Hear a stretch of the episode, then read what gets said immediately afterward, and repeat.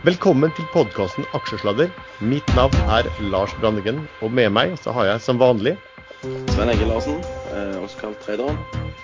Vi hadde en avstemning gående eh, der vi spurte medlemmer slash lesere hva, hvilke tema ønsker de at vi skulle ta opp i en dedikert episode. Og da vant det som heter Analyse, regnskap og analytikere. Hvem ville være den ideelle gjest for et slikt tema? Og vi var skjønt enige om et forslag fra Sven. Passa best til vårt rett fra levra-konsept. Og til vår store glede så takket vedkommende ja. Eh, vi liker jo å gi våre gjester et tilnavn. Vi har jo hatt gameren på besøk. Og dagens gjest han har vi gitt tilnavnet Den vantro. I disse juledager så var det jo slik at en av Jesus' disipler var en skeptiker av rang og ble kalt tvileren Thomas, og også den vantro Thomas. Så velkommen til oss, Thomas Nilsen, porteføljeforvalter i First-fondet. Tusen takk for det, Lars. Jeg tvilte jo litt før jeg takket ja, men uh, gjorde jeg nå det til slutt, da. ja, da. Veldig bra. Da passet det bra. Kanskje du kunne bare fortelle litt om deg selv, Thomas? Ja, veldig kjapt så har jeg jobbet som eh, analytiker en eh, god del år i bl.a. Kaupting og Pareto. Så har jeg vært forvalter i Odin-fondet og forvalter nå i First-fondet. Så jeg har holdt på med dette her i en drøyt 15 år. Thomas, ryktene sier jo at det er noen børsnoterte toppsjefer som blekner når du uttaler deg i media. Det er jo ikke lenge siden du latterliggjorde Equinor i media. Eh, du fremhevet vel at de hadde brukt adjusted, eller altså justerte tall, relativt mange ganger. og jeg bare så i, Fra Finansavisen så stod, så stod vel en, eller du hadde skrevet på Twitter at du var litt skuffet over at Equinor ikke klarte å rapportere bedre tall, når de hele 236 ganger i sin kvartalsrapport bruker ordet adjust. Kanskje de burde hyre en McKinsey for å få fart på sakene. Er du alltid like spissformulert? Yes, det er jo viktig for å få fram poenger å være det, men, men, samtidig så dette med justeringer er noe som jeg er ganske opptatt av. og Alle kan jo bli best i et eller annet hvis de justerer nok. Eh, alle fond kan jo være det beste fondet hvis de bare justerer for uh, ting som måtte passe. Det fondet med flest uh, andelseiere mellom 35 til 37 år som bor uh, på Nesodden, liksom, eller et eller annet sånt, så får man alltid blitt, eh, blitt best, da. Fikk du noe tilbakemelding fra Equinor f.eks. på den kommentaren, eller? Nei. Hvilket er bra. Vi skal gå litt gjennom hvordan man kan forstå og lære om et selskap, eller selskap generelt, ut fra et regnskap. Vi hadde tenkt å bruke mm, XXL som et godt uh, eksempel. Litt også hvordan man eventuelt kan manipulere regnskap. Uh, vi skal snakke også om hvordan man gjør egne analyser. Vi skal snakke om bruk av EBITA. Om bruk av justerte resultat, som vi allerede har vært inne på. Vi skal snakke litt om dagens analytikere, hva de baserer sine kursmål på. Om selskapets guiding av tall. Og, og, det slå, og, det at de prøver å slå estimater i sin regnskapsforleggelse. Og vi skal rett og slett ha det ganske moro. Vi har som vanlig en disclaimer. Vi gir ingen råd, og er du så kørka at du bruker hva vi sier som bakgrunn for hva du gjør i kapitalmarkedet og livet for øvrig, er ansvaret helt og holdent ditt. Det er jo litt en vanskelig operasjon å snakke om et regnskap og sitte og lytte til hva, hva, man kan si om et regnskap. Så vi skal prøve å fortelle hva man kan se i de enkelte tall, hva de betyr. Og prøve å skulegjøre også at eh, regnskap kan være ganske subjektivt. Også snakke litt om hvordan kan det manipuleres. Og vi tenkte altså å velge ut XXL. Det er jo et selskap som har falt mye på børsen de senere årene. Det er også et selskap som er ganske lett å forstå hva de holder på med. De kjøper inn eh, sportsvarer og andre altså fritidsprodukter og, og, og, selger det videre. Det gjelder jo å sammenligne poster gjennom flere år, så vi har sett litt fra hva, perioden 2015 til 2018. Vi ikke særlig, skal ikke ta opp noe særlig på 2019, for det har kommet nye regnskapsregler i år som heter IFRS-regler, som endrer på eh, regnskap, som gjør sammenligningen litt vanskeligere. I 2016 så økte de inntektssiden med 20% 2017 så økte de med 11% og 2018 økte de med 9% Hvordan kunne de teoretisk ha manipulert inntektssiden sin?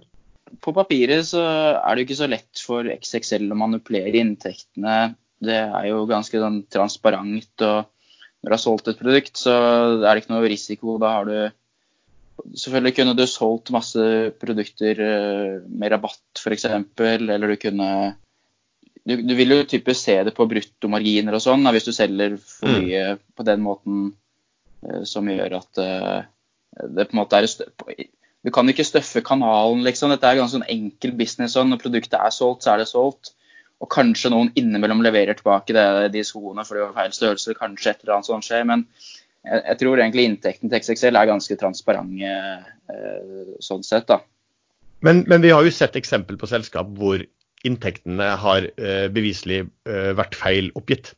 Altså ikke XXL, men andre. Vi, vi var jo inne på det i en episode med Fast f.eks.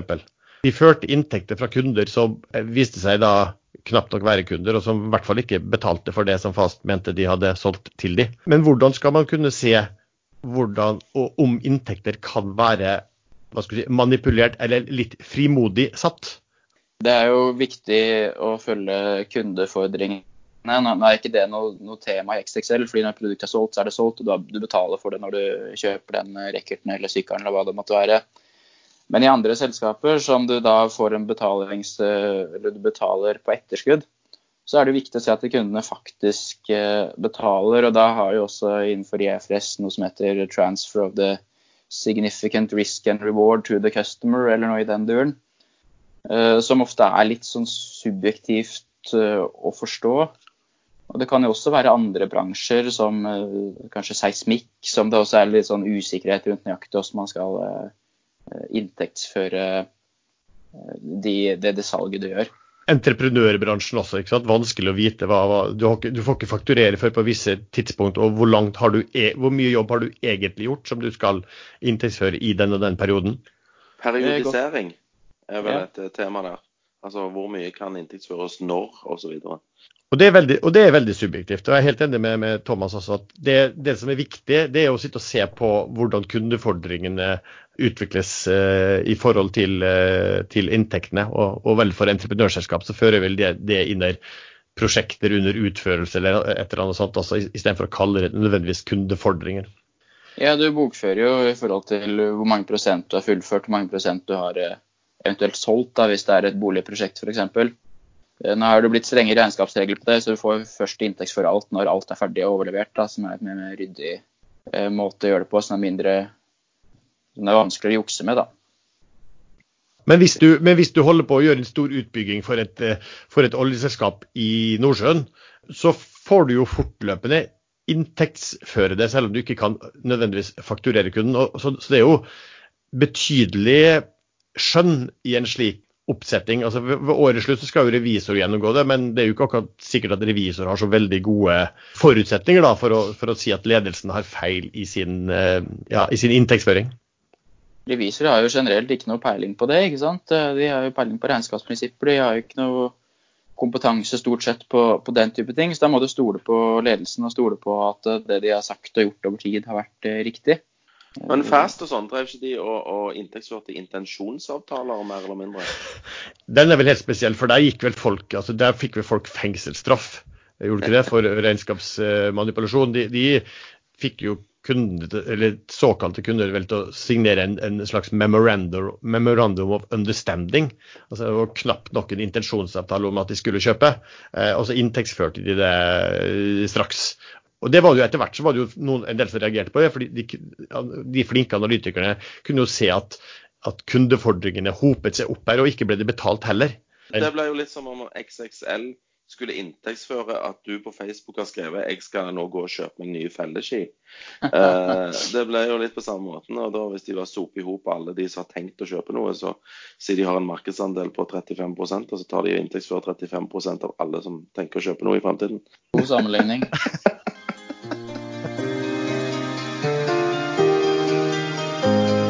videre og se litt på det som heter varekostnader. Altså til, når, når XXL selger en, sier at de selger noen sko ut til butikken, så har jo de hatt kjøpt inn de skoene fra noen. Det er altså varekostnaden. Hvis du da tar inntekter minus varekostnaden, så får du bruttofortjenesten, som da man kan gjerne se på i prosent. Det vi så på eh, XXL, var jo at i perioden 2015 til og med 2017 så hadde de en ganske jevn bruttofortjeneste. Men så datt den plutselig bratt i 2018. Og hva, hva kan ha vært årsaken til det? Lite snø. Det kan jo også være en mikseffekt, at de selger mer i andre land med mindre bruttmargin.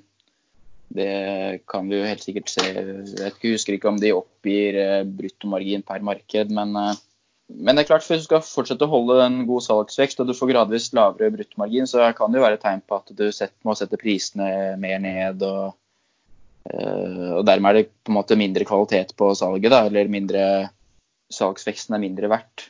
Setter opp stadig tettere butikker òg. Det syns jeg er sånn viktig ting i XXL og, og, retail generelt. At man bruker ofte like for like eller like for likevekst. Og, og det er liksom nøkkelen. Og det, det syns jeg egentlig blir helt feil, fordi det vil, det vil hindre deg å sette opp nye butikker fordi det kanskje tar noe salg fra eksisterende butikker.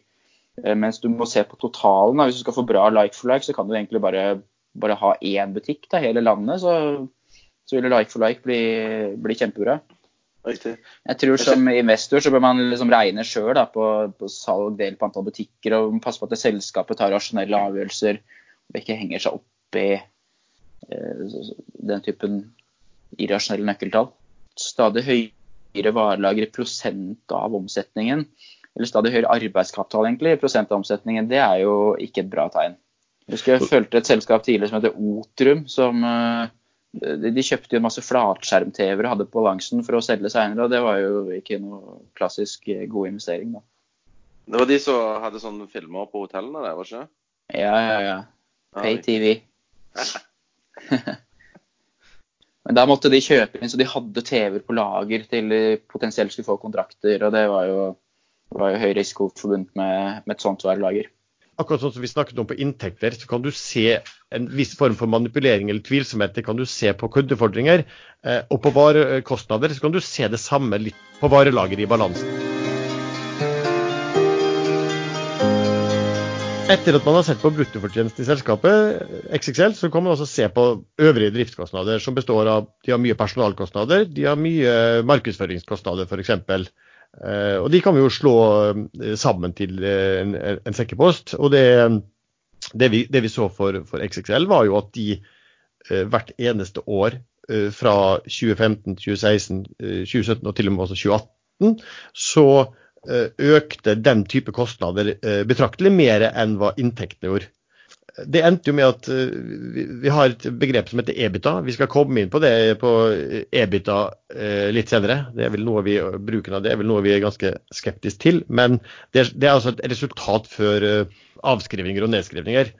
Og når vi da ser at XXL da fikk en noe fallende bruttofortjeneste, og at andre kostnader også økte i eh, prosent i forhold til inntektene, så endte det jo med at, eh, at dette, den EBITDA-prosenten til XXL, eh, en slags driftsmargin, den falt gradvis hvert år, før den falt av kraften i 2018. Og da ble det også det samme da på, på, på, på vanlig, det som heter EBITDA, som heter vanlig driftsresultat. Litt interessant med XXL er jo litt å se på aksjekursen når det her skjedde. Altså I 2015 så hadde de jo en eh, pen vekst, og, og fra 2015 til 2016 aksjekursen da gikk da opp til 96 kroner i eh, 2016. Da hadde de også hatt en, en inntjeningsvekst i, eh, i, inntjening per aksje, EPS. Altså EPS er jo hva selskapet tjener per aksje etter skatt. Det er jo den du regner PE på også, altså aksjekurs delt på EPS, inntjening per aksje. Men da lå kursen i hvert fall i 2016 så lå den i hvert fall på 96. Så falt den til 85 eh, når de la fram årsregnskapet sitt i 2017, og til 29 når de hadde lagt fram årsregnskapet sitt i 2018. Det er jo det som er litt interessant med regnskap. Mange syns det er kjedelig, men hvis du tenker som sånn at du og én er ute etter å finne selskap som er billige, på dagens tall, og to, hva er det som ligger bak tall? Er det noen spesiell utvikling du kan se? Så er det egentlig ganske interessant hvis du tenker deg som sådan at dette er en slags etterforskning. Når du begynner å gå på og se på dette varelageret, så ga det egentlig en pekepinn på hva som skulle komme i 2018. Varelageret til XXL det økte med 35% i 2016. Og de hadde 20% omsetningsøkning. Hvis økningen i varelageret ditt er, er mye sterkere enn eh, hva eh, veksten i inntekten i det, så betyr det egentlig at hver vare blir liggende lengre på lager. Så det var ganske stor forskjell der i, i 2016, og det var også det i 2017. Da hadde de en, en inntektsvekst på 11,5% i Execrate totalt. Og så vokste varelager med 21% og Der er vel kanskje noe av nøkkelen til hva som etter hvert skjedde, både på resultater og med aksjekursen i, i XXX, XXL, eller hva? Ja, det henger jo, det henger jo sammen med at det, selv om selskapet opprettholdt veksten, så var veksten mye dyrere. De fikk dårligere marginer. og Det henger jo igjen sammen med, som du sier, økt varelager. Så det var lavere kvalitet på, på topplinjeveksten til selskapet. Men, men, det er jo litt sånn at hvis du da satt Si at du satt da i i, eh, tenker tilbake, det er så lett å være på etterpåklok, men hvis du så da i 2017, da aksjekursen faktisk fortsatt var 85 eh, kroner, og du så at varelageret da de to siste årene nå har økt omtrent det dobbelte av hva inntekten har økt de to siste årene, eh, så burde jo det være noe som mange, ganske mange røde flagg til å gå opp.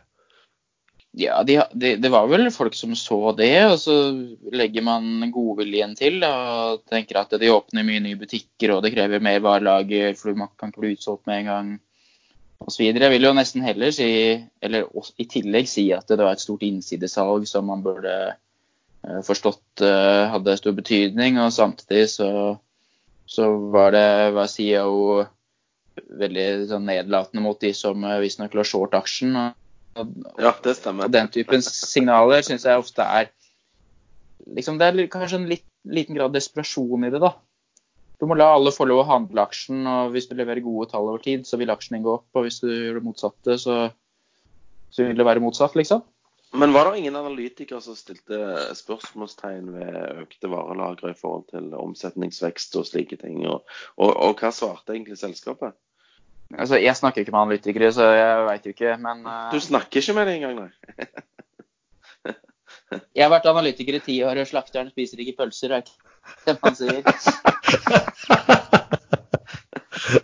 nei, altså, jeg veit ikke, ikke, helt hva de har sagt og, og gjort, men uh, jeg vil jo sånn generelt sett si at de, de færreste selskaper jukser jo. det er jo, Alt står jo i regnskapene. Det er bare å lese de rette linjene og, ja, jeg, jeg, jeg være ærlig med seg sjøl. Jeg sier ikke at noen har juksa, men eh, det står jo da tydeligvis svart på hvitt at uh, varelager har økt mer enn en, uh, omsetningsveksten. Eller det omsetningen har økt. Og, og hvis det, den trenden har fortsatt hele tiden, så ja, de kan begrunne det med at de har starta nye butikker. Men hvis det bare fortsetter og fortsetter, så, så, burde jo noen som burde ha greie på dette her, stilt de rette spørsmålene og fått de rette svarene du skal alltid trekke netto arbeidskapital mot salget. og Hvis den går veldig mer enn en retning, så må man gjøre litt dypere analyse på det da, for å se hva er grunnen til det. Er det fair? Det kan godt hende at det er fair. At du ja, ja. har gjort noen oppkjøp, eller du har faktisk startet noen nye butikker som krever varelager inntil du er i full drift på det. Men samtidig så er det ofte forbundet med høy risiko når arbeidskapitalen din blir, eh, går ut. Arbeidskapitalen, netto arbeidskapital er varelager og kundefordringer minus leverandørgjeld. Og I mm. leverandørgjeld kan det også ligge noe sånne moms og offentlige betalbare utgifter og sånn. da. Men over tid ikke sant, så bør, jo, bør du få cashen din inn. da. Og, da, og det henger jo sammen med arbeidskapitalen. Hvis arbeidskapitalen din vokser raskere enn salget, så kommer cashen saktere inn. For noen businesser kan det være helt fair at det er sånn en periode. Men det bør ikke være sånn over tid. Og det er helt fair at arbeidskapitalen så vokser så lenge salget vokser i, i en del type forretninger.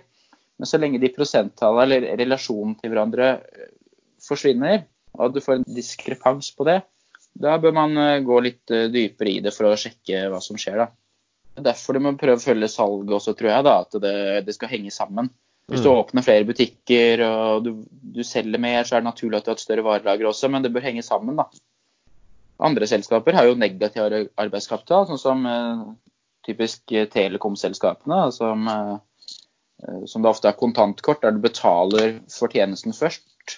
Og så bruker du den etterpå. Eller sånn som flyselskaper, da, der du betaler for flybilletten først, og så flyr du etterpå. Da vil du ha negativ arbeidskapital. Bortsett fra Norwegian, da. Ja, de også har jo det, da. Og det er liksom litt, litt, problem, du får, litt, litt problem med akkurat det, det der sånn av negativ arbeidskapital. At du får liksom sånn dobbel effekt på det, opp og ned. da. Når du vokser masse, vil du få frigjort mer og mer arbeidskapital. Det er liksom bra. Du vokser, og cashen vokser enda fortere. Mens når det går ned, så går det dobbelt ned også. Og Derfor kan det være ofte en fordel at du egentlig har positiv arbeidskapital. fordi i, faser, sånn som i finanskrisen, så var det mange selskaper som hadde kjempebra cashflow. Fordi du solgte ikke noe særlig, så du bygde ikke opp kundefordringen. Du bare fikk inn betalingen fra tidligere salg. Så det cashlån mye hadde mye mindre svingninger enn eh, resten av businessen. Så man skal prøve å trekke det med arbeidskapital og passe på at ting eh, er, logisk. Men hva skal man tenke litt om et selskap som XXL, da, som hadde en ganske betydelig goodwill. Altså i 2018 så hadde da eh, den bokførte egenkapitalen til XXL var jo da 3,7 milliarder. 3 milliarder var goodwill eller intangibles. Hva er goodwill? Ja, hvis du betaler langt over bokverdi for noe, som, som ofte kan være fair, så er det ikke alltid du klarer å fordele på at det er eh, brand name, og det er relasjoner til kunder, og det er andre ting som gjør at du betaler mer, da, men det blir, en sånn sekkepost, liksom. Og XXL, nå har jeg ikke helt sånn details på det, men, men det har jo oppstått fra interntransaksjoner fra når de var eid av private equity. Jeg, jeg vet ikke hva du skal fram til, Lars, men jeg er egentlig litt sånn motsatt av det jeg tror du skal fram til. Jeg syns jo intangible assets er mye, mye bedre enn tangibles, da. Det er jo veldig regnskapsteknisk. da. Det er jo ikke noe cash-effekt av å skrive ned goodwillen. Det er kun en sånn profit and loss-effekt altså, på papiret. Jeg tror jo egentlig de fleste banker og låneavtaler er satt sammen på en måte sånn at det, at det skal være fair. Da. Jeg vet ikke hvor mange som har sånn egenkapitalandel. Ja, det, jeg, føler, jeg, jeg forholder meg så lite til sånne ting. fordi det å sette, sette verdi på eierandeler og, og bare lese i notene til regnskaper, det, det er helt umulig å forholde seg til hvilke forutsetninger de har tatt, om det er fair eller ikke. Det, Mm. det blir liksom litt som å spørre moren din om det er ålreit, liksom. Hun sier sikkert ja, da. Og sånn er det når du spør de som skal sette verdi på eiendelen din også. Du, du velger de som setter den verdien du vil, ikke sant. Så jeg forholder meg veldig sjelden til egentlig til den type regnskapstall. Det har ikke noe med fasit eller realiteter å gjøre, det har noe, bare noe med noe modellering å gjøre. da. Ja, Som Sven sier, så, så vil jo ikke det ha noe cash-effekt. Om, om, om, om du vurderer den til å være halvparten eller dobbelt så høy, så gir det ingen cash-effekt for, uh, for selskapet. Uh, det gjør vel bare at egenkapitalen, altså prosentvis egenkapital, soliditeten, ser annerledes ut. Jeg har alltid sett ned på goodwill. Jeg har aldri likt det, fordi uh, det er bare luft i mitt hode. Men det er jo ikke det, da. Nå er jo ikke jeg analytiker heller, da. Men jeg har aldri likt goodwill. Jeg har aldri, aldri forholdt meg noe særlig til det, egentlig. Du har aldri brydd Det deg om, om det i det hele tatt? Nei. Nei. Jeg bryr meg egentlig liksom om hvordan cashflow selskapet klarer å tjene, og hva markedsverdien på Altså jeg, når jeg kjøper aksjer, så er jeg jo aksjonær, så jeg bryr meg om hva cashflowen til meg som aksjonær er, da. Om goodwillen er det ene eller det andre. Jeg, så for å si det litt sånn flåsete, jeg, jeg kjøper aldri selskaper som har pris bok under tre, for da er det dritt. Jo dyrere, jo bedre, egentlig. Jeg tenker helt motsatt av det jeg tenkte før, i hvert fall. At oi, her, dette prises kun til 10% av egenkapitalen. Det må jo være dritbillig. Da blir det sånn Norske Skog, ikke sant? At, eh, Ja, ja, ja. Og supply-selskapene. ja. Og rigg. Men, men det du ser på da, Thomas, når du sier at, at du, du syns det er helt bra med en eh, prisboksmøte, så ser du, men da ser du også på avkastningen på eh, egenkapitalen i selskapet. ikke sant? Ser du opp mot det? For det, du- ikke sant? Fordi jeg regner med at hvis avkastningen på egenkapitalen er middelmådig og prisbok er høy, så har du ikke så veldig lyst til å eie det, eller hva? Ja, det, egentlig det jeg prøvde å si, var at jeg ser kun på, som du sier, avkastning på egenkapitalen. Og så vil liksom pris bok være residualet, som jeg bare Ja. kanskje ser på en eller annen gang innimellom. Eller jeg gjør egentlig ikke det heller, da. Jeg, jeg ser på jeg, jeg må se på hva er liksom avkastning på egenkapitalen, og hva på implisitt egenkapital, eller i markedet, liksom. Og jeg elsker jo selskaper som klarer Du må vokse Du må klare å forrente kapitalen din, enten det er på investert kapital, på egenkapital eller hva det måtte være. Det er det som driver uh, verdiskapningen i selskaper. Og det er veldig få selskaper som er prisa på en lav prisbok og har en høy egenkapitalavkastning. Derfor så tror jeg nesten aldri jeg kjøper selskaper som har lav prisbok, da, for det er bare det, det er så dårlige selskaper, da ikke sant, Da må du håpe på en eller annen sånn turnaround. Det er en grunn til at de priser som de er i forhold til bok. ikke sant? Og det er pga. at de ikke evner til å få god avkastning på, på balansen sin. Nå sier de at nå må du kjøpe Norsk Hydro, det er pris på 0,8 eller noe sånt. Jeg så en eller annen kommentar her eh, på et eller annet eh, sted på nettet eller noe sånt. ja, men de har en roe på 6 liksom. Det er, det er, det er forferdelig. Roe er altså da return on eh, equity, ikke sant? egenkapitalavkastningen. Det kommer vi også inn på en litt sånn regel som jeg forholder meg til. At aldri kjøp selskaper som opererer med land som er grønt i flagget. Sånn som Hydro holder på i Brasil. Da. Irland, da? Har ikke de òg grønt? Eh, du så Tullor Oil, de òg gikk jo på en smell nå nettopp. Det var ja. halverte seg over natten. Det var de er fra Irland. ja. Nei, man skal ha noe sånn egentlig Aldri investere i sel selskap som X i tikkeren er jo en annen en som uh... Ja, den husker jeg du har uh, spunnet på en del. Men når du tenker på det, Thomas. Eh, bok, det som heter bokført egenkapital i eh, et selskap. ikke sant? Du har bokført egenkapital, og så har du mange gjeldsposter. Og så har du en, en totalbalanse. da, så, så, regner man da altså bokført egenkapital som andel av totalbalansen, og da får man eh, soliditeten i prosent. Altså hvor, hvor, mange prosent egenkapital har dette selskapet. Er det noen ting du, du, du ser nøye på, eller er det Jeg ser egentlig mest på jeg er aksjonær i selskapet, sagt. Så egentlig så lever jeg av Epson. Eh, og det er gitt at Epson er reell, at det ikke er noen sånne, at den er juksa med på noen måte. Så jeg, jeg definerer da med en underliggende EPS. Tenk på Det er verdien som kommer tilbake til meg som aksjonær. Og som, som dere kanskje veit, så over tid, eller verdiskapningen i en aksje vil være veksten i EPS pluss utbytte pluss en reprising av eh, aksjen hvis det skulle finne sted. Over tid så har jo ikke reprising noen ting å si. Dette er jo snakk om da selskap som har kommet overskudd over tid, da. ikke type sånne startups eller biotekselskaper i tidlig fase og andre ting. Så Derfor må jeg se på Epson, da. og det er det jeg ser på. Så må jeg sjekke at det stemmer overens med cashloven. Eh, og hvordan balansen ser ut, er egentlig ganske lite opptatt av, utover at de ikke må ha mye gjeld. For hvis du har mye gjeld, så blir det liksom type NAS og XXL og de fleste oljeselskaper, og, og, da går det ikke bra, da. Det eneste jeg ser på i balanseformålet, er at vi skal ikke gi mye gjeld, og så må det liksom arbeidskapitalen henge sammen med eh, EPS-utviklingen. Analytikere ser på. Jeg vet at Sven ser mye på det. Jeg vet at jeg selv ser mye på det. Det er jo et begrep som heter netto rentebærende gjeld. Det vil si at man tar hva har selskapet i cash og hva skal vi si, finansielle tilganger som kan selge, hvis de sitter på aksjer og sånn, men i stort sett er det cash. Og så ser man på hva selskapet i rentebærende lån, lange forpliktelser som, som, som reelt sett er rentebærende, altså type leasingkostnader. Så tar man altså cash minus disse rentebærende lånene, og så får man netto rentebærende gjeld. Stort sett har jo da selskap, de fleste har jo da mer, mer gjeld enn cash, men ikke alle. Og så tar man altså aksjekursen, eller rett og slett markedsverdien på børsen, legger til denne netto rentebærende gjeld, og da får man noe som heter enterprise value. Er det, er det et sånt begrep du ser mye på, Thomas? Nei. Jeg bare ser på at selskapene skal ha lite gjeld, og jeg er aksjonær. Jeg lever ikke av EV-en. Jeg lever av uh, den inntjeningen som kommer til meg som aksjonær etter at du har betalt renter, betalt skatt, betalt det du trenger av investeringer. Så, så sånne EV-multipler og sånn er jeg egentlig veldig lite uh, opptatt av. Bare må passe på at de har nok penger til å betale renter og alle kostnader, og så skal det være masse penger igjen til meg. Jeg er aksjonær. Men stort sett liker jeg den der, som sa, Epson veldig godt, da, fordi det er liksom det som kommer til meg. da. Men, men når du sier Epson, så mener du inntjening per aksje, altså earnings per share. Du mener ja. ikke dette japanske selskapet som lager skrivere?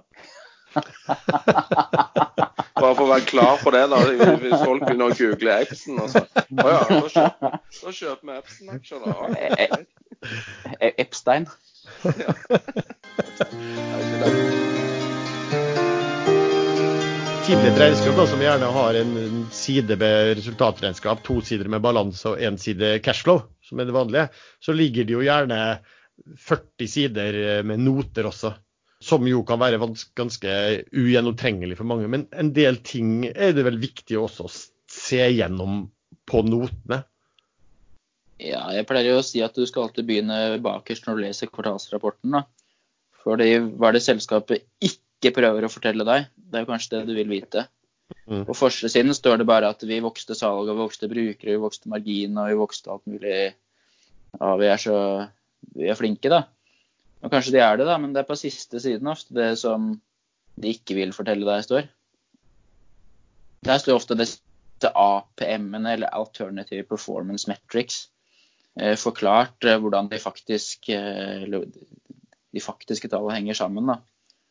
Ja, og Sven, Sven, vi har jo sett på en del selskap sammen der vi har begynt å se ofte på notene, og så har vi sett at oi, oi, oi, det var ikke helt sånn. Eller, eller de kan se på notene at det er ting som faktisk ser bra ut, som overraskende eh, overraskende bra ut.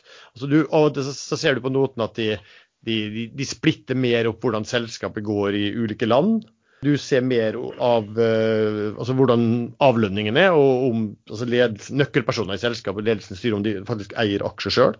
Så kan du se litt om, om, avskrivninger. altså Hvordan skriver de av dette? Er det fornuft i måten de antar at den eiendelen brukes opp i, i løpet av tiden? Du kan, ja. se om, ja, du kan, se om, leasing, du kan se altså kundefordringer. Vil du se f.eks. Liksom, hvor mange mye av de er, er altså, hvor, hvor, hvor, lenge siden er det de skulle, skulle de vært betalt? Det, hvor, hvor, stor andel av de er forfalt?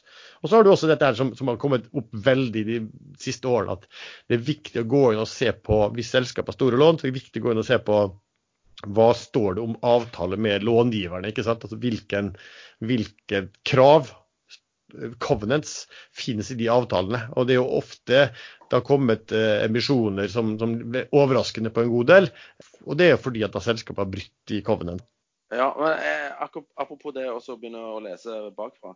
Eh, Sveås, vet du, når, når uh, Viking Supply Ships solgte disse tre isbryterne til Canada, så, så, begynte jo Jeg hadde jo aksjer der, og jeg tror Hadde du òg aksjer der, Lars? Eh, ja. basert på at vi forventa et utbytte. Prøvde å regne oss fram til utbytte. Og da siste posten i den kvartalsrapporten der, kommer det frem at Sveås-systemet skulle ha jeg tror det var 120 millioner kroner eh, i sånn suksessfi. Og hvis du da har 9 millioner aksjer, så, så, blir jo det en del kroner per aksje som da forsvinner. Som vi ikke da hadde tatt hensyn til før vi da leste siste side.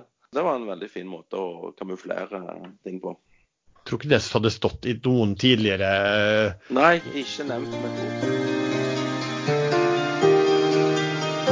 Nå tenkte vi skulle forlate da regnskapet. Vi, vi skal i og for seg gå innom starte med å gå innom en, en post som eh, jeg, jeg, tror du er litt sånn irritert på bruken av, Thomas. Og Sven i hvert fall at jeg er veldig irritert på den. Det er bruken av, av EBITA, som florerer nå blant selskap som eh, skal melde, eh, rapportere hvordan det går i, i, i, selskapet, og også for analytikerne. Så bare for å forklare, så EBITA betyr earnings before interest, taxes, uh, depreciation og amortization. Altså uh, driftsresultat før av- og nedskrivninger, egentlig. Og finanskostnader. Og, og, finanskostnader, ikke sant. Og, og skatt. Og skatt. Og skatt. Så, så, ja. Earnings, noen ville si ja. earnings, before, earnings before bad stuff. Sier det man ofte, ofte sier også. Hva, hvordan ser du på selskapet Thomas, som, som, som fremhever det som, som, en slags måloppnåelse? Jeg syns egentlig det er tullete nesten uavhengig av uh, hva selskapet holder på med. fordi det er jo så mange viktige ting som hvert fall, som jeg sier mange ganger, da, som vi som aksjonærer uh, må betale før vi får noen penger. Og, og skatt må vi opplagt betale. EBDA kan på en måte litt sånn manipuleres ut fra at du kan kapitalisere mye eh, utviklingskostnader og legge det i balansen, som da blir avskrevet over tid. Da, sant? Og da kommer det først etter EBDA. Du har, nå har husleiekostnadene blitt tatt ut av EBDA med IFRS 16, som kom fra, fra nå i år. Eh, I tillegg så, så sagt det her med tilknytta selskap, minoritetsinteresser, kommer etterpå. og I tillegg så er jo ofte EBDA et et tall som selskapene justerer på toppen av det hele da, ved å ta, trekke ut uh, restruktureringskostnader og andre ting. Så det, det, gir egentlig ikke noe mening i det noen sier at ja, på shipping eller kanskje noe oil service kan du bruke det, men uh, ja, jeg involverer meg ikke så mye i det uansett, da. Men er ikke EBITDA et greit uh, uh, sånn tall for obligasjonseiere som har pant i eiendelene? Jeg har tenkt litt på det at da må det kunne brukes, for da ser du hvor mye penger de faktisk kan bruke til å betale ned på gjeld og, og renter. Men det er vel helst i en default-setting, muligens. Men, men, du må jo fortsatt betale skatt, da. Hvis du har en default-setting, så går du ja. kanskje med underskudd og ikke tenk på skatt. Ja. Og du har jo ofte investeringer også, da. Det er vedlikeholdsinvesteringer ja. eller oppgradering av ting som kommer under egentlig depreciation. altså Avskriving er jo en normalisert eh, investeringstakt, ikke sant. Ja. Og renter skal du også betale ikke sant? Eh, før du kan betale avdrag på gjelda. Ja.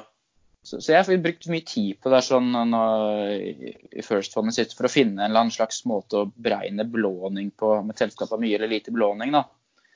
Og da har jeg kommet fram til at jeg må lage en justert EPS da, og forholde meg til uh, gjeld i forhold til den. Fordi det er så mange ting du skal betale før du kan begynne å betale avdrag og utbytte til aksjonærene, eller gjøre spesielle investeringer? For min del, det jeg bruker å gjøre en del på når jeg ser på altså EBIT eller EBITA, der, der, hvor man har med eller EBIT, altså hvor, hvor jeg ser hva er, det, hva er avskrivningen på i selskapet, og så prøver jeg å forholde meg til det mot hva gjøres av investeringer i selskapet. Det, det er jo en slags sånn cashflow-effekt også. vi, klart, hvis, du, hvis, hvis, du, har avskrivninger på Du har en stor maskinpark eh, og du har avskrivninger hvert år på 50 millioner kroner sånn eksempelvis. Eh, det, det, det skal egentlig være et slags verdifallet på den maskinparken. Men så, så kan man se av selskapet at selskapet må investere 100 millioner kroner hvert år bare for, å, bare for å holde maskinparken gående. Eh, så, så, så, ser man jo egentlig at det, det å bytte ut eh, avskrivningen med hva man må gjøre av ny investering, det kan jo ofte være en gunstig måte å se på selskapet på. Warren Buffett og Charlie Munger har jo vært knallhard også mot bruk av De kaller oss for inflasjon i bruk av, av EBITA, som da er veldig sånn, klar på at kapitalslutt, altså avskrivninger, er en reell kostnad for selskap for at tilgangen blir mindre verdt ved bruk av en maskin. Og Buffett skrev jo også at uh, han skrev «Every dime of depreciation expense we report, however, is a real cost.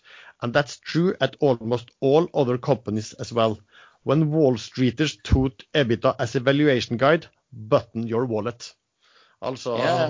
hold deg unna, ikke sant? og hold på penger når, når Wall Street, altså investeringsbankene, eh, bruker eh, EBITDA som en valuation guide.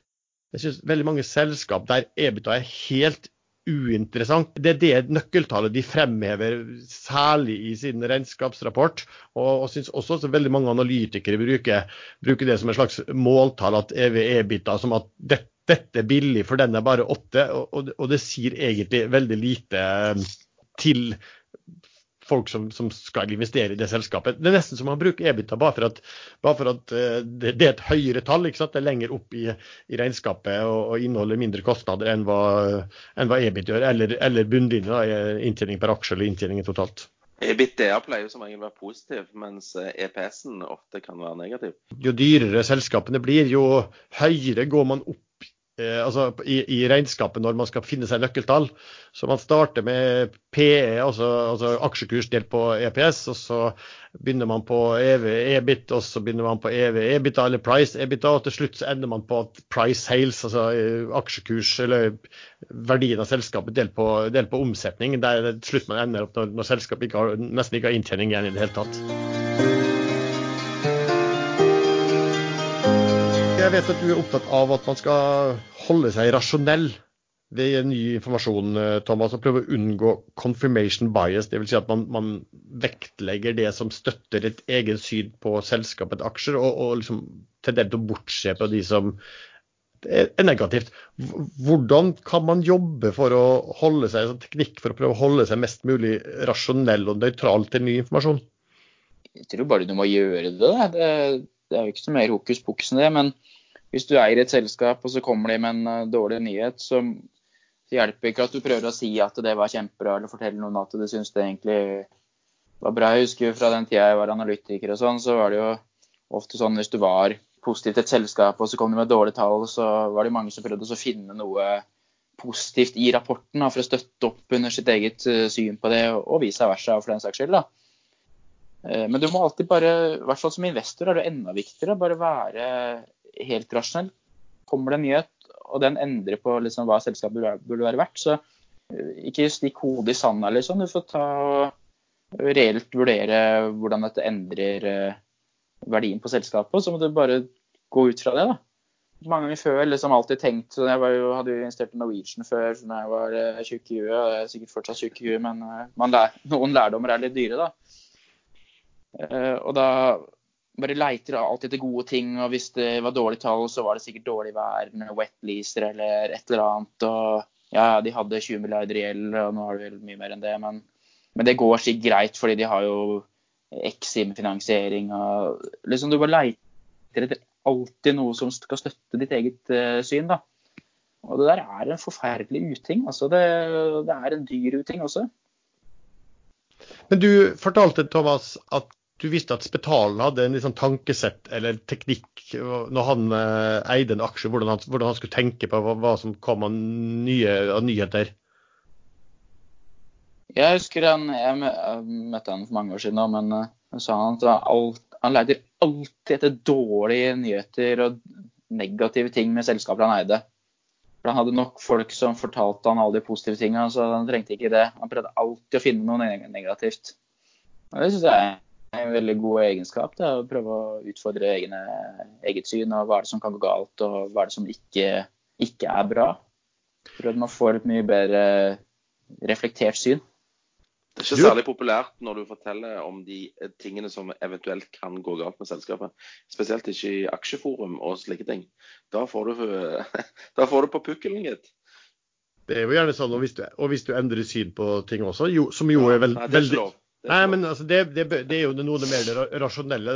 Endre syn så lenge du kan forklare hva, hva, som har skjedd at du endrer syn. Ikke bare at du er inne eller ute, men at det har, det har kommet en eller annen nyhet eller en, en ny vurdering du gjør av, av, du gjør av ting. ikke sant? Men Thomas, du, du har jo sittet både som uh, analytiker og sitter som forvalter. Når du tenker liksom på confirmation bias, hvordan du, man vurderer nyheter, tenker man en del annerledes når man sitter som analytiker med ikke posisjoner, men kanskje med, med, med, med, selskap som er kunder, eller hvor du har avgitt en anbefaling, kontra hvor du har investert egne eller, eller altså fondskundene sine penger? Det blir bare spekulasjon, men, eh, men, du har jo noen krefter som trekker i den retningen. Da. Så det gjelder jo å være rak i ryggen eh, alltid, uansett i livet, liksom. Men eh, i hvert fall når det blåser litt. da så må mm. du si det. Du må gjøre, ta de rette valgene. Noen ganger kan det være tøft, men, eh, men det må man gjøre. Justerte resultat. Vi snakket jo litt om det i, eh, i starten av sendingen også. Jeg vet jo at det var en stor artikkel med deg i, også i Finansavisen Thomas, hvor det står at du langer ut mot bruk av justerte regnskapstall. og sånn at Vi, vi nevnte vel Equinor. Men, men hva er det liksom med de justerte regnskapstallene du ikke liker? Mener du at de blir villedende, eller eh, ja, hva, hva, tenker du? Ja, ofte så er det det. Du, du, må alltid gå i dybden på å se spesielt hvis det er mye justeringer, se i cashloan hvordan den stemmer over tid. Prøv å avstemme. De justeringene skal ikke alltid gå ene, ene veien. De skal nøytraliseres over tid. da. Derfor alltid når vi investerer i selskaper, så, så trekker jeg selskapene tilbake til 2006. Eh, så blir alltid reelle tall de faktiske tall over tid. For at uh, over så mange år så skal, kan du ha litt flaks, og du kan ha litt uflaks, men du har ikke, du har ikke bare uflaks, liksom. Det er jo sjelden selskapet justerer eh, tall fordi det var så innmari godt vær. Alt, alltid greit i kvartalet er sånn, så, uh, så greit kan det ikke gå over tid, så vi justerer ut litt av det positive. Det er jo aldri sånn. Det er jo alltid motsatt. At nei, nå skjedde det noe dritt, og vi må si opp noen folk, så vi må ta en avsetning eh, eller en, eh, en nedskrivning eller noe sånt. Og, eh, sånn som selskaper som f.eks. får en bot da, at de har, driver med konkurransesamarbeid, så har du hatt superprofit en stund da, for du tydeligvis har samarbeida med noen, og så får du en bot for at du ble tatt for det. Så kaller du den boten for en one-off, så, så skal liksom folk holde det utafor både marginer og prising og sånn, og så skal du fortsette igjen sånn som du holdt på før. Så som Eh. Veidekke, da, som, eh, som da åpenbart har bokført for høy margin i lang tid, og så måtte ta en kjempenedskrivning på et prosjekt. Og det er selvfølgelig en one-off, og så er du på'n igjen, ikke sant. Mm. Fakta er jo at den nedskrivningen burde du tatt over da de åra det prosjektet eller de prosjektene varte. Og da Ja. har, du, da har du bokført for høy margin i den perioden, da. Det er sånne der justeringer som jeg syns er bare helt krise, da. Eller justeringer, da, hvor de Eller de kaller det ekstraordinært å justere for det hvis de, hvis de skal restrukturere en, en del, eller du, du må si opp folk og, og liten biten der, som jo er en ganske normal del av, eh, av eh, en, det en bedrift holder på med over tid, ikke sant? Jeg drev holdt på nå rett før, kom, før vi startet den podkasten, holdt på med en sånn Eriksson-tall. da. Og de guider jo på resultat før restruktureringer for 2020. Så du, allerede da veit du du skal ta restrukturering, for du må ta det i dag da, hvis du veit det. Hvis når bankene guider på resultat før tap, liksom. Hvis du tror du får et tap, så er du, da skal du vel ta det nå, da. Skal ikke regnskapet være sånn forsiktighetsregnskap egentlig, da, som må ta liksom worst case hele tiden? Så du kan nesten ikke justere feil, altså uh, ufordelaktig. Fordi at da måtte du rapportert det som offisielle tall. Er det ikke noe der, eller eh, er det jeg som er helt på, på jordet? Det er jo riktig det, Sven. Så, så Derfor så er det mange selskaper som prøver å justere da, for, å, for å ikke være forsiktig, men være fair. Men så ender det opp med at de justerer for mye.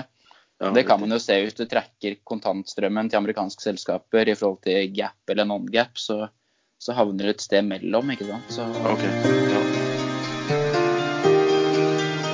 Et tema som vi har fått, som, som, som det er mye omtale og som vi også får spørsmål på, det er jo om liksom, hvordan dagens analytikere fungerer. Det er jo noen som, spør liksom, hva synes du om betalte analyser fra selskapene? Dvs. Si at, at selskapene betaler analytikere for å skrive eh, analyser? fra, fra selskapets ståsted så føler jeg det er ikke bra å bruke penger på tenker jeg Du må bruke tiden din på å skape verdier for aksjonærene, ikke få folk til å skrive analyser. Det, det har jeg aldri helt skjønt poenget med, da. Nei, men jeg, jeg, jeg husker det. Husker du når vi hadde han gameren på besøk, eh, Lars? Ja. Han kunne fortelle om Red Eye, da, som kunne lage analyser på bestilling. Og, og de hadde jo lagd en ny analyse på dette Starbreeze, der Riktig. det var strong cell. Og, og det er jo tøft gjort, da, å, å publisere den analysen hvis du har blitt betalt av selskapet for å lage den.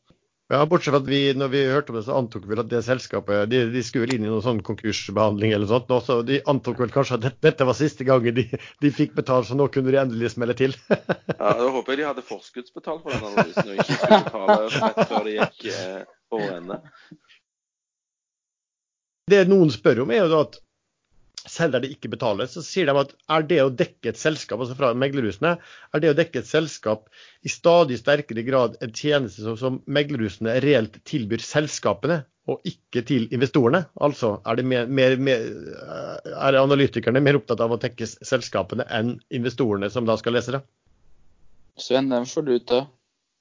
Jeg, jeg, jeg vet ikke, men eh, det er ikke umulig. fordi at eh, selskapet og meglerhuset de har jo ofte litt tette bånd. og Da er det veldig enkelt for eh, selskapet å gå til de som de mener kjenner selskapet best når de skal gjøre noe corporate, eh, eh, hente penger eller eh, oppkjøp eller slike ting. Når de trenger bistand.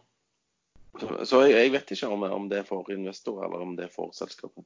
Vi bruker å skrive litt sammen på Ekstrainvestor, eh, Sven. Og når et meglerhus plutselig tar opp dekning på et litt, sånn, litt mindre eh, selskap med en Ja. rungende, rungende kjøpsanbefaling, så bruker vi å la fleipe om at her, her er det bare å vente på emisjon. Ja, fordi at vi har jo, vi har jo klart å re lese regnskapet eh, og, og skjønne at det er en sammenheng. Det er viktig å være oppmerksom på. Ja, og man ser jo ofte at selskap altså, nesten åpenbart, der, der du vet noe skal skje, så, øh, så kan det jo av og til se ut som øh, mange meglere Plutselig er det jo ganske mange av de som kommer med analyser som nærmest ser ut som en sånn posisjonering for uh, å få oppdrag. Selv om, Ja. det skal, selv om det da offisielt skal være Chinese walls innenfor et uh, meglerhus. Som da betyr at det skal være mellom de som jobber på å få denne type sånn corporate-oppdrag og få gjøre emisjoner og rådgivninger og alt det her, så skal det de, altså være lukkede dører mellom de og de som jobber på analyse, sånn at de ikke vet hva som skjer. Men jeg vil jo tro at altså, analytikerne vet vel ofte at kanskje at selskapet der har gjort Eh, selv om det ikke blir fortalt hva man skal gjøre, så, vet de vel ofte at, dette selskapet er en flerfoldige ganger kunder av eh, meglerhus på den type tjenester også. Så det kan nok være at man føler et sånt press som ikke er uttalt, men eh, at man må hei, kanskje litt forsiktig med å si hva man egentlig mener. Så er spørsmålet hva tror dere analytikerne baserer sine anbefalinger og kursmål på? Er det hva selskap, de mener selskapet burde være verdt i dag, eller hva de tror kursen skal være eh, x måneder fram i tid, tolv måneder, seks-tolv måneder fram i tid? Nå bør de to være det samme, egentlig. da. Jeg skal ikke late som jeg er helt, uh, helt utafor. Du skal jo da typisk lage en, en nåverdiberegning av fremtidig kontantstrøm. Du skal sette det opp i en eh, såkalt P-group og sammenligne det med selskaper som eh, driver med det samme. Og skal du si at det selskapet du følger er eh, høyere eller lavere verdsatt enn de andre. og Derfor så får du en, kursmål på et eller annet som avviker fra dagens kurs, og, det er targetet ditt. da. Jeg tror ikke det er noe mer komplisert enn det, egentlig. Nei, for vi hadde vel en sånn undersøkelse der hvor, hvor, vi spurte på, på den Facebook-gruppa vår som heter Børsforum. Der spurte vi folk, og der var det sånn 50-50. at mange mente at, at, halvparten trodde at det var basert på ja, litt sånn en, en fundamental analyse av denne aksjen bør ha denne verdien. Uh, det, så derfor er det vårt kursmål. Mens andre trodde at dette var analytikerne trodde markedet kom til å prise denne til om tolv måneder. Men det er, jo, det er, jo, mye vanskeligere å komme med et kursmål på seks til tolv måneders horisont enn å si denne aksjen burde vært priset til dette kursmålet i dag. Altså, Det måtte jo vært mye enklere å satt en pris i dag enn seks til tolv måneder fram. Eller er det pga. modellen sier at uh, ting skal utvikle seg uh, sånn og sånn? Jeg er helt enig, Sven. Jeg synes det er et veldig godt poeng. det der sånn, fordi Når du lager den oververdiberegningen eller den, P, eller den eh, P-groupen, eller hva du måtte gjøre, så er det liksom i dag, da. Ja, du kan jo neddiskontere med eh, ja. altså, den renten du vil da eh, velge å bruke. Og, så, så og få en verdi i dag. Ja, så du skal egentlig si at kursen er 100, da, men eh, den burde vært 140. Så, så jeg skal opp 40% før lunsj, liksom. Ja. Så, blir ikke det, så blir ikke det tatt seriøst, liksom. da. Nei. Så derfor så har Den... man sånn sek... ja, ja, det skjønner jeg. Teksten på analysen. 40% før lunsj. Nå kommer jeg sikkert til å få kjeft av noen i, i, DNB, men nå skal jeg ta med et eksempel som var veldig spesielt, og som litt anskueliggjorde hva, hva det egentlig analytikerne holder på med. Er, er analytikerne analytikere, eller har de blitt eh, sånn hobbymeglere? For DNB de hadde jo hatt en anbefaling på kjøp på disse LPG-selskapene, som hadde hatt en pen oppgang. Men i juni så nedgraderte de da eh, de fra kjøp til hold og kutta kursmål i noen av dem. Og Det var altså to måneder etter at de hadde kommet med sin første eller en annen analyse på det. Altså I perioden da, fra april til eh, juni så hadde altså spot-ratene for skipene vært mye høyere enn hva DNB hadde forutsatt. Og I den nye, nye, analysen så økte de sine estimerte rater med 25% i, for 2019 og, og 7 i 2020. Og, og, dermed måtte de også øke inntjeningen for disse selskapene ganske betraktelig i forhold til, i forhold til eh, analysen de gjorde to måneder før. Så hadde de altså en, en, en morgensending der de tydeligvis prøvde å forklare litt det der. da. Og det var altså at nei, de trodde altså raten hadde kanskje toppa ut for sesongen og at sektoren derfor blir mindre populær. Og Det var altså grunnen da til at de nedgraderte. Men, men er det liksom, er det en liksom analytikerjobb, eller er det en meglerjobb? Altså, Analytikeren sier at dette selskapet er blitt mer verdt enn hva vi trodde for to måneder siden, og det kommer til å bli mye mer verdt de neste eh, to årene. men fordi at eh, vi, eh, vi, er inne i en sesong hvor markedet, raten ikke styrker seg, så, så, tror vi at markedet kommer til å gjøre slik at aksjekursen faller. og Derfor, derfor nedgraderer vi uh, både aksjen og, og, og, til og med kutter kursmålet. Er ikke det en veldig merkelig måte å opptre som analytikere på? Jo, altså jeg kjøper jo bare aksjer i iskremselgere på sommeren, og så kjøper jeg aksjer i Skistar på vinteren, for det går jo alltid bra. Hvis det er sånn du sier det er sånn, med den siste forklaringen, så er det jo, henger det jo ikke sammen i det hele tatt. Uh, hvis man skulle prøvd å finne en logisk forklaring på at det økte estimater, men tok ned target, så må det være at uh, inntjeningen etter estimatperioden er forventa å være mye lavere, da. Eller at du har mye høyere risiko som gjør at du skal ha et mindre, lavere multiple på det. Ja. Men hvis forklaringen var du sier at det, nå er det sesongen sånn og sånn, så er det jo, er det bare visvas.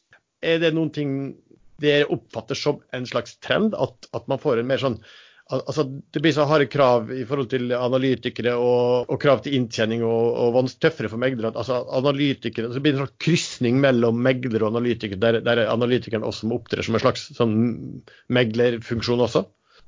Jeg veit ikke. Jeg, du snakker jo ikke med dem. Men du med dem, men du snakker med dem, Sven. Nei, Jeg snakker ikke så veldig mye med analytikerne, jeg snakker litt med meglerne. Og jeg har fått med meg at meglerne ikke har lov å si du må kjøpe den aksjen. eller du må... Altså De må være veldig forsiktige i hva de sier til kundene sine.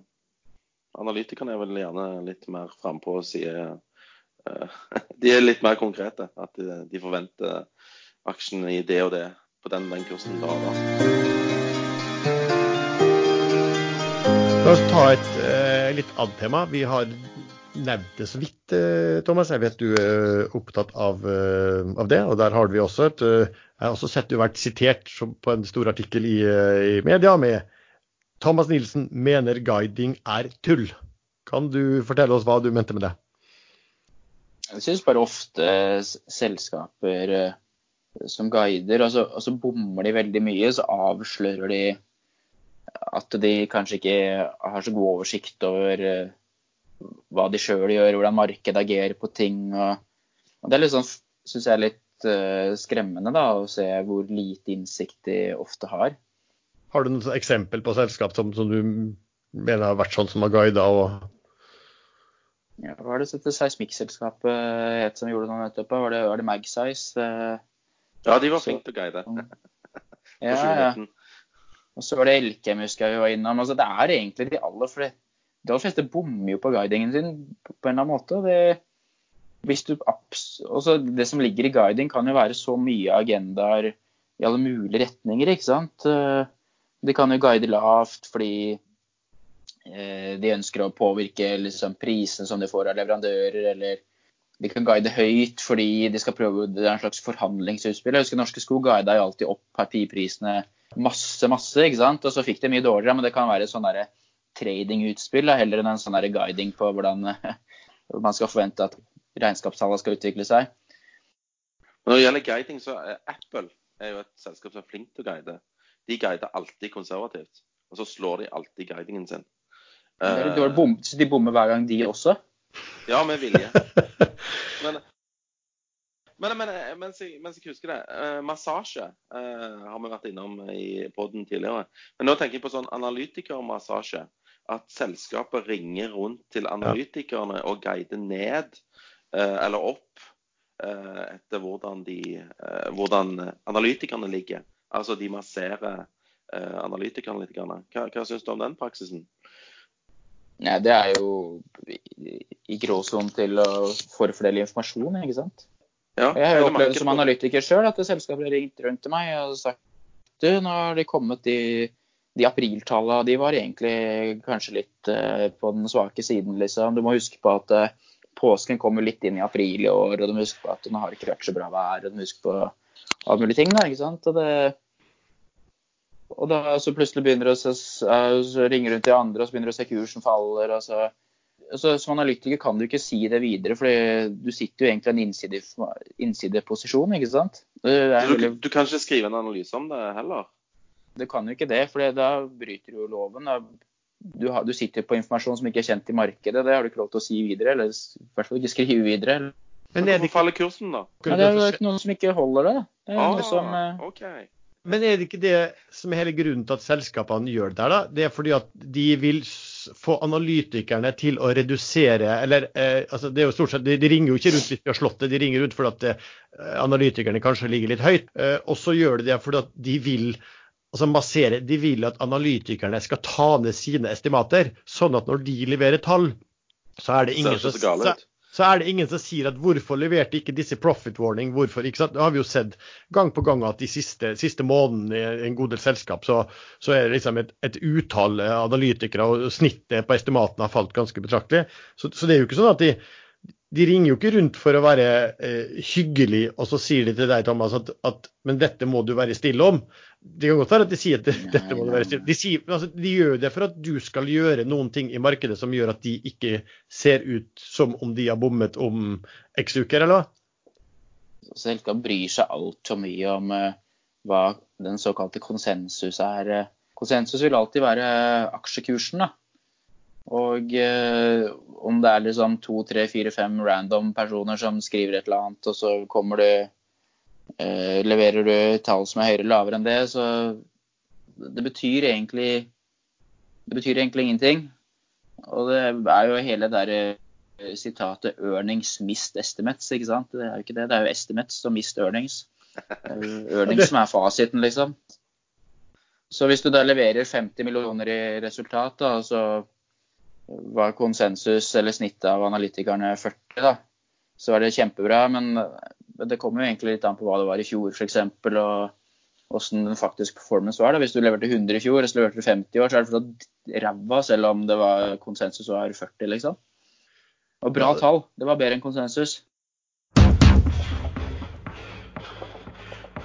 Bunnlinjen på egentlig hele podkasten her er at uh, du kan ikke høre på noen. Du må, gjøre, du må kunne lese et regnskap sjøl.